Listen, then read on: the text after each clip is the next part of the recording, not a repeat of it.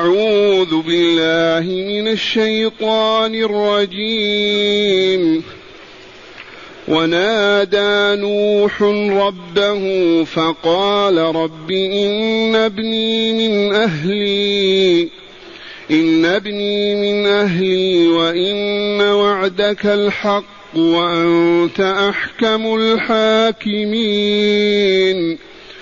قال يا نوح إنه ليس من أهلك إنه عمل غير صالح فلا تسألني ما ليس لك به علم. إني أعظك أن تكون من الجاهلين. قال رب إني أعوذ بك أن أسألك ما ليس لي به علم وإلا تغفر لي وترحمني أكن من الخاسرين.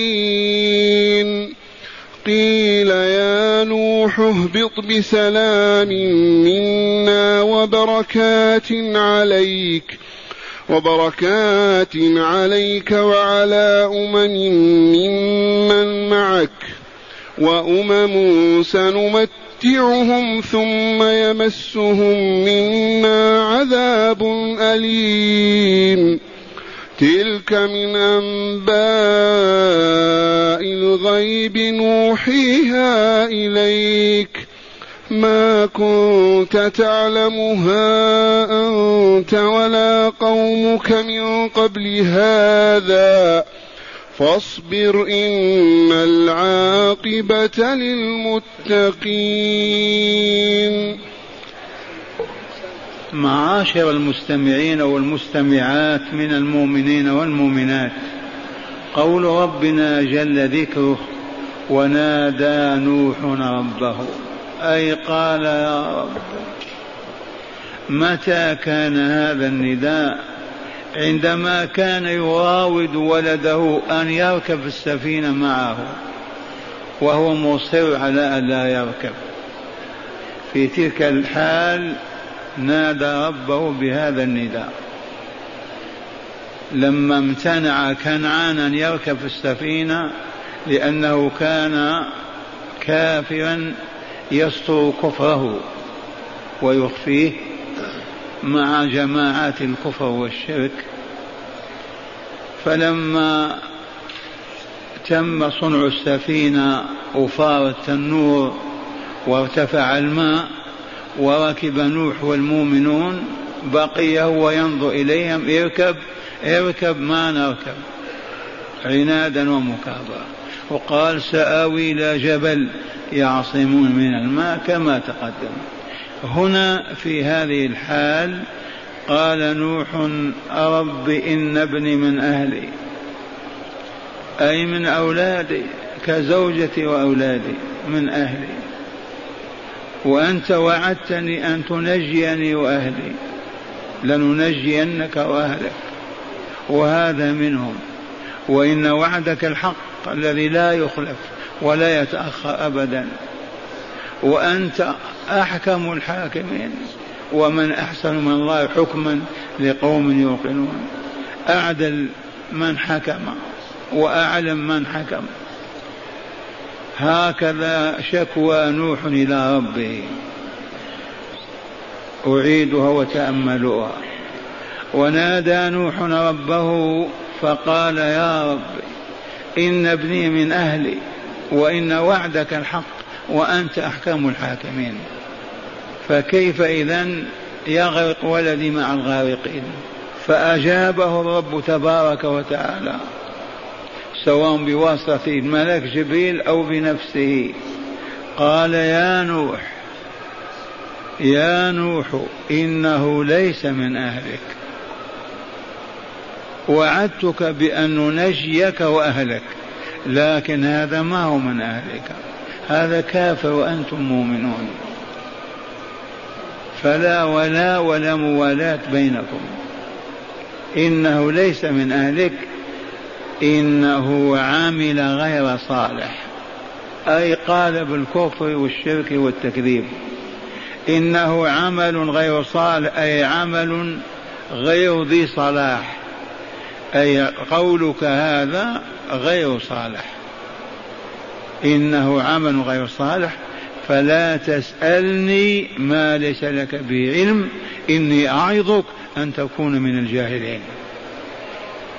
كيف يتحمل نوح هذا؟ إنه ليس من أهلك. عرفتم الولاء بين المؤمنين والمؤمنين. أما بين المؤمن والكافرين فلا ولاء ولو كان الكافر ابنك أو أباك. هذا نوح وهذا كنعان ولده.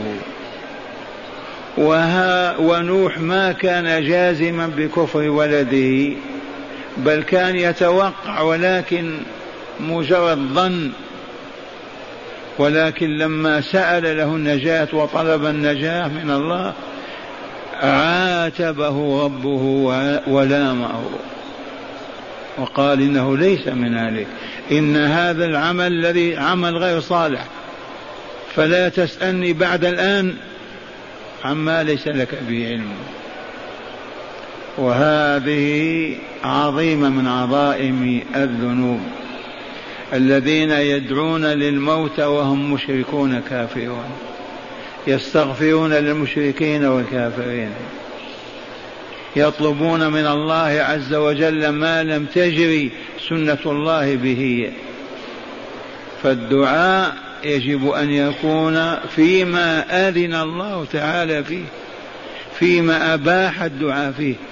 أما تسأل الله عز وجل شيئا لم يريده ولم يرضه فقد تعرضت لمقت الله عز وجل وغضبه. وهذا نوح العبد الغفور العبد الشكور مع موقفه مع صبره مع جهاده ألف سنة إلا خمسين عاما زلت قدمه بهذه الدعوة.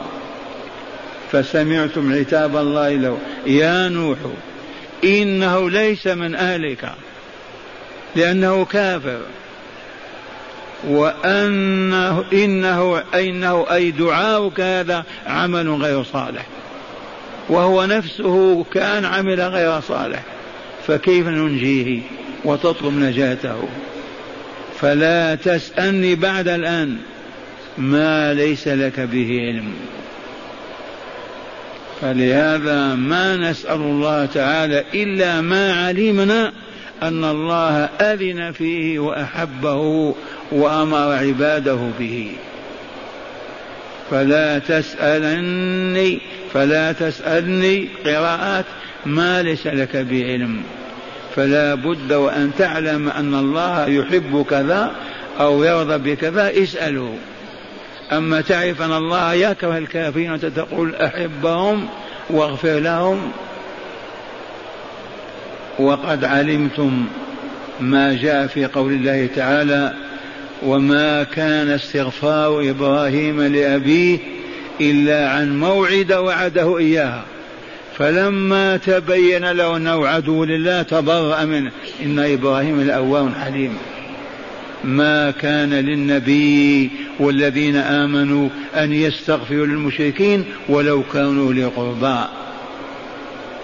وقد عرفتم ومع الأسف عرفتم وعملتم وعرف إخوانكم ولم يعملوا أن النبي صلى الله عليه وسلم في قدومه من مكة إلى المدينة أو من ذهاب المدينة إلى مكة وقف على قبر أمه آمنة وبكى وذرف الدموع. فقيل له ما يبكيك رسول الله؟ قال استأذنت ربي في أن أزور قبر أمي فأذن لي واستأذنت في أن أستغفر لها فلم يأذن لي. وهذا نوح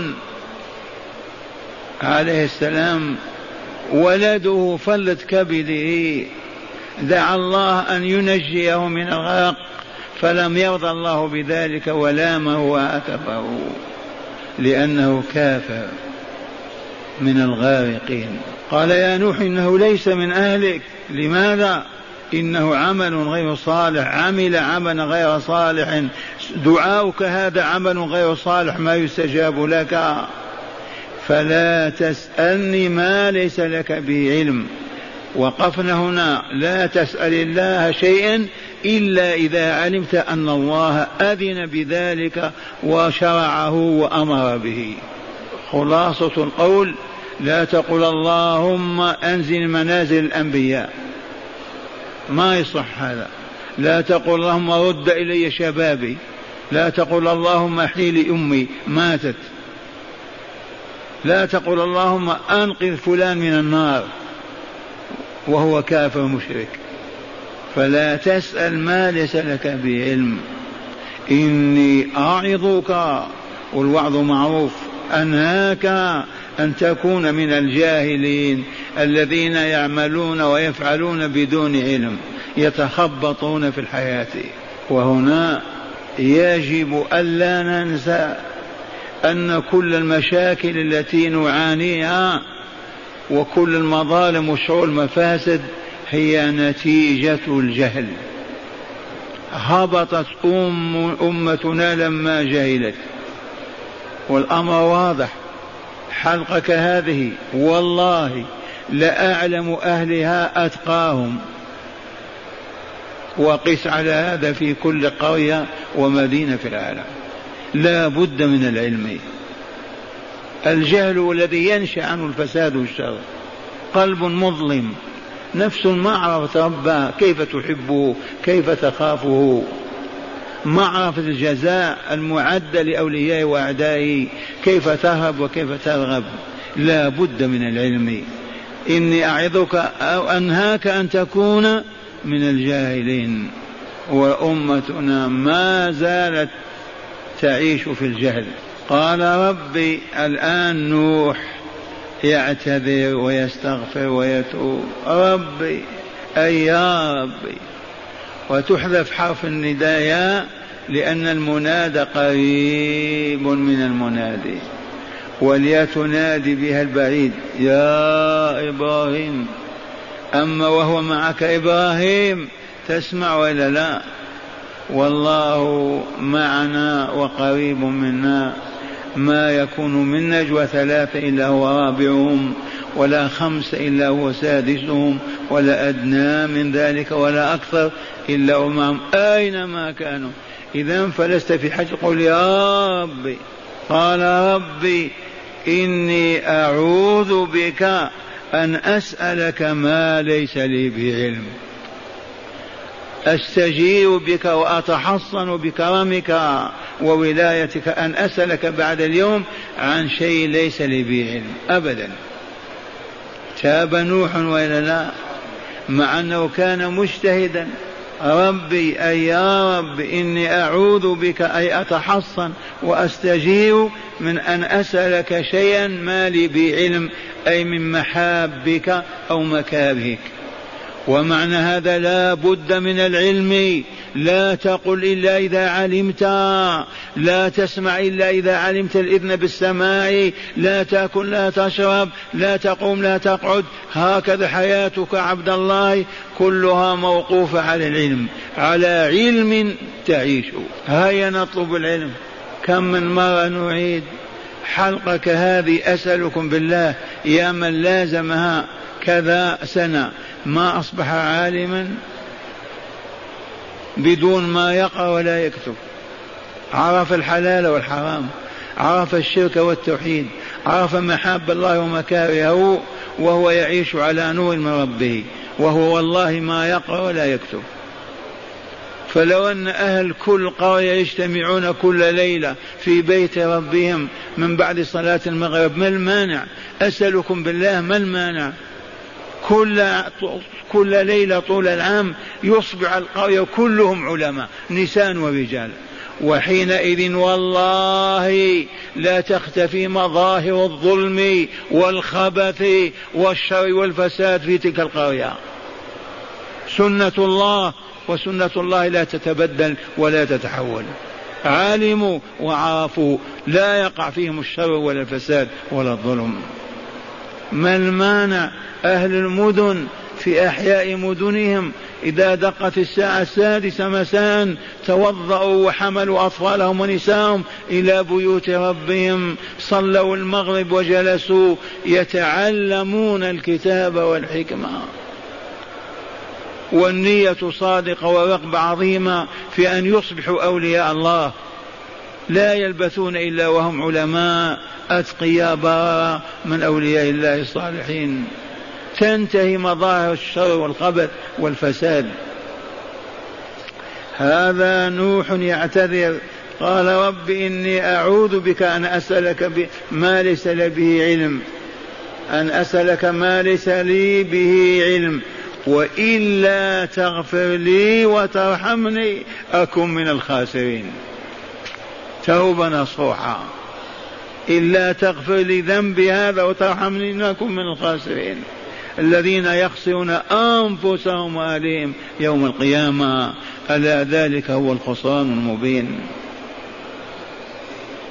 فأجابه الرب تبارك وتعالى قائلا يا نوح اهبط بسلام منا وبركات عليك وعلى أمم ممن تبعك و وعلى أمم ممن معك وأمم سنمتعهم ثم يمسهم منا عذاب أليم.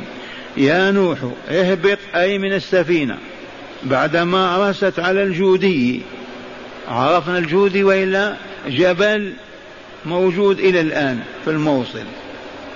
اهبط بسلام لا انعطاب ولا انكسار ولا مرض ولا سقوط من السفينة ولا سلام كامل. منا وبركات في أكلكم وشربكم وحياتكم. لا تفارقكم أبدا. بركات الله عز وجل. عليك يا نوح وعلى أمم ممن معك. إذ معه من؟ ثلاث ثمانون رجل وامرأة. أولاد نساء. ومعه من الحيوانات أمم. إذا وبركات عليك وعلى أمم ممن معك. وأمم في المستقبل سوف نمتعهم. سنمتعهم بالطعام والشراب واللباس والحياة. وهم أحفاد الذين في السفينة. عندما ينتشر النسل ويكثر. وأمم سنمتعهم في الدنيا بالطعام والشراب ومظاهر الحياة. ثم يمسهم منا عذاب أليم بعذاب الدنيا وعذاب الآخرة بكفرهم وشركهم وخروجهم عن عبادتنا.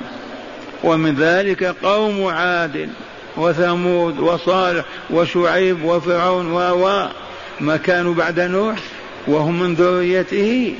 إذا اهبط بسلام منا وبركات عليك وعلى أمم ممن معك في السفينة وأمم سنمتعهم متاع الحياة الدنيا. ثم يمسهم منا عذاب أليم. هذا العذاب نتيجة كفرهم وشركهم وعداهم لله ورسوله والمؤمنين. أمم أخبر عنها كانت كما أخبر تعالى. ثم يمسهم منا عذاب أليم موجع ذي ألم في الدنيا بما شاء الله وفي الآخرة في الخلود في جهنم. وانتهت الآن القصة بكاملها مفصلة فقال الله للرسول محمد صلى الله عليه وسلم تلك يا رسولنا محمد تلك الأخبار العجيبة العظيمة تلك من أنباء الغيب أخبار الغيب العظيمة. من كان يعلم هذا في أهل مكة أو من غيرهم من العرب أو من غيرهم؟ وإن علموا أشياء لا قيمة لها أما هذا التفصيل وهذه التجزية وهذا البيان من يقدر عليه؟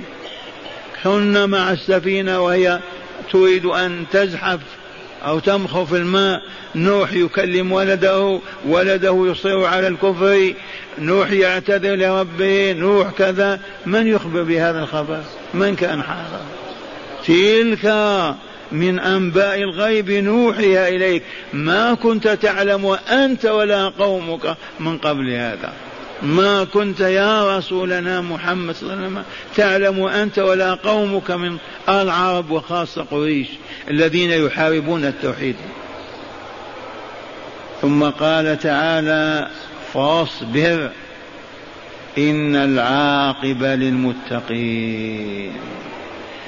وهنا قالت العلماء في هذه الآية ثلاث فضائل. الأولى ما كنت تعلمها أنت ولا قومك منة الله على رسوله. امتن عليه ولا لا؟ ما كان يعلم فعلمه. يحتاج إلى المنة ولا امتن عليه. ثانيا وعظه وألزمه بالصبر. ثالثا وعده ليسليه ويواصل دعوته.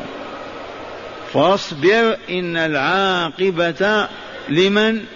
للمتقين. اللهم اجعلنا منهم. من هم المتقون هؤلاء؟ بيض أو سود؟ صفر أم حمر؟ عرب أم عجم؟ أغنياء أم فقراء؟ نسأل أبناءنا وإخواننا من هم المتقون؟ بنو هاشم بنو تميم العدنانيون الأحباش. من هم المتقون؟ اعلموا أن المتقي هو الذي آمن بالله وبما جاء عن الله وعرف محاب الله ومكارهه وفعل المحبوب لله وترك المكروه من أجل الله. ذلكم هو التقي. عبد آمن حق الإيمان. صدق الله ورسوله فيما أخبر به. من شأن الغيب والشهادة ثم عرف أوامر الله تعالى ففعلها وعرف نواهي الله فتركها. ذلكم والله العبد التقي. لأنه بطاعة الله بفعل الأمر وترك النهي اتقى عذاب الله وجعل بينه وبين عذاب الله وقاية. أما الكافر فكيف يقال فيه تقي؟ أما الفاجر تارك الواجبات منغمس في المحرمات كيف يقال فيه تقي؟ من يقيه عذاب الله وسخطه حتى يوصف بأنه تقي؟ والعاقبة دائما وأبدا لمن؟ للمتقين. لو تنزل نازل بأي بلد الذين ينجيهم الله هم المتقون. العاقبة الحسنى الحميدة الطيبة للمتقين. كيف؟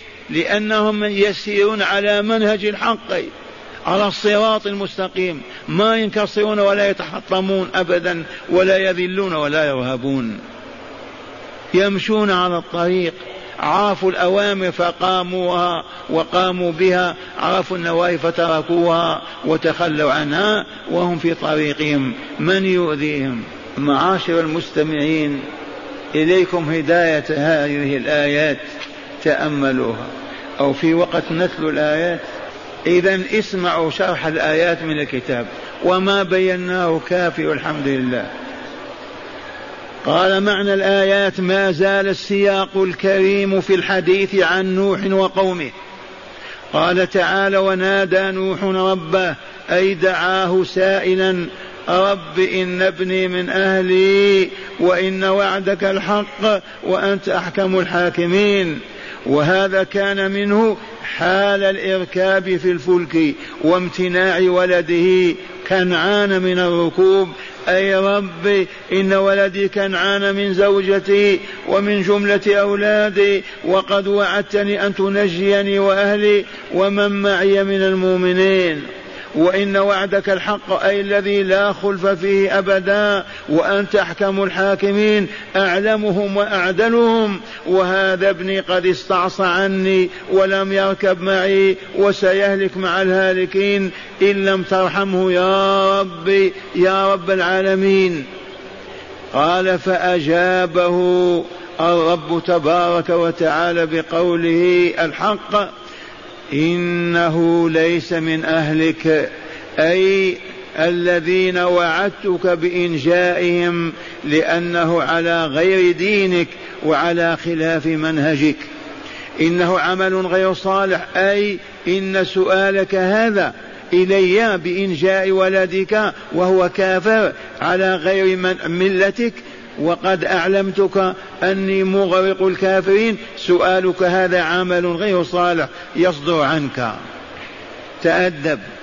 إني أعظك أي أنهاك وأخوفك أن تكون من الجاهلين. فتسألني ما ليس لك به علم. قال نوح ربي أي يا ربي إني أعوذ بك أي أستجير وأتحصن بك أن أسألك بعد الآن ما ليس لي به علم وإلا تغفر لي وترحمني أكن من الخاسرين. أي الذين غبنوا أنفسهم حظوظا فهلكوا. فأجابه الرب تعالى يا نوح اهبط بسلام اهبط من السفينة أنت ومن معك من المؤمنين بسلام منا أي بأمن منا وتحيات وبركات عليك وعلى أمم من معك أي من ذرية من معك. فلا تخافوا جوعا ولا شقاء وأمم من ذرية من معك سنمتع متاع الحياة الدنيا بالأرزاق ثم يمسهم من عذاب أليم يوم القيامة لأنهم ينحرفون عن الإسلام ويعيشون على الشرك والكفر. وهذا من علم الغيب الذي أخبر الله تعالى به فكان والله كما أخبر. فقد نشأت أجيال وأجيال من ذرية نوح منهم الكفار ومنهم المؤمنون وفي الجميع ينفذ حكم الله ويتم فيهم وعده ووعيده. وقوله تعالى في الآية الأخيرة وهي الأخيرة في هذا السياق يقول تعالى تلك من أنباء الغيب نوحيها إليك.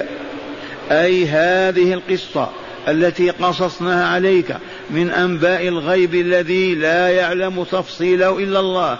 نوحيها إليك ضمن آيات القرآن. ما كنت تعلم أنت ولا قومك. على وجه التفصيل من على وجه التفصيل من قبل هذا من قبل هذا القرآن إذا يا رسولنا فاصبر فاصبر يا رسولنا على أذى قومك مبلغا دعوة ربك حتى يأتيك نصرنا فإن العاقبة الحسنى الحميدة دائما وأبدا للمتقين ربهم بطاعته والصبر عليها حتى يلقوه مؤمنين صابرين محسنين. اللهم اجعلنا منهم. هداية الآيات. تأملوا ما سمعتم. من هداية الآية أولا رابطة الإيمان والتقوى أعظم من رابطة النسب. رابطة الإيمان والتقوى أعظم من رابطة النسب. هل نفع النسب كنعان؟ والمؤمنون نفعهم ذلك وإلا لا؟ رابطة الإيمان والتقوى أعظم من رابطة النسب. ثانيا حرمة العمل بغير علم. حرمة العمل بغير علم فلا يحل القدوم على أمر حتى يعلم حكم الله فيه. ومعنى هذا لا يبقى جاهل من بين المؤمنين. لازم هذا ولا لا؟ إذا كان لا يحل لا يجوز العمل إلا بعد العلم وجب على كل مؤمن ومؤمن أن يعلم. ولهذا لا جاهل في المؤمنين والمؤمنات. قبل أن توجد المدارس والكليات ثلاثمائة سنة وهم أعلم أهل الأرض بالكتاب والسنة بهذه المجالس العلمية. قال ثالثا ذم الجهل وأهله. ذم الجهل وأهله. منين أخذنا هذا؟ أعظك أن تكون من الجاهلين. رابعا شرف نوح عليه السلام وأنه أحد أولي العزم من الرسل. أولو العزم خمسة من بينهم نوح وهو أولهم. وإن كان رسولنا جاء بعده والله قدمه. ومنك ومن نوح وإبراهيم وموسى وعيسى بن مريم. نبينا آخرهم لا؟ لكن الله قدمه في الذكر. ومنك ومن نوح وإبراهيم وموسى وعيسى بن مريم. خامسا بيان العبرة من القصص القرآني وهي تسلية الرسول صلى الله عليه وسلم والمؤمنين مما يعانون ويكابدون من المشاق التي تواجههم من الكفار والمشركين أعداؤهم. سادسا تقرير نبوة الرسول صلى الله عليه وسلم وإثباتها ببرهان عقلي وهو الإخبار بالغيب الذي لا يعلم إلا من طريق الوحي. سابعا وأخيرا بيان فضل الصبر وأن العاقبة الحميدة للمتقين وهم أهل التوحيد والعمل الصالح.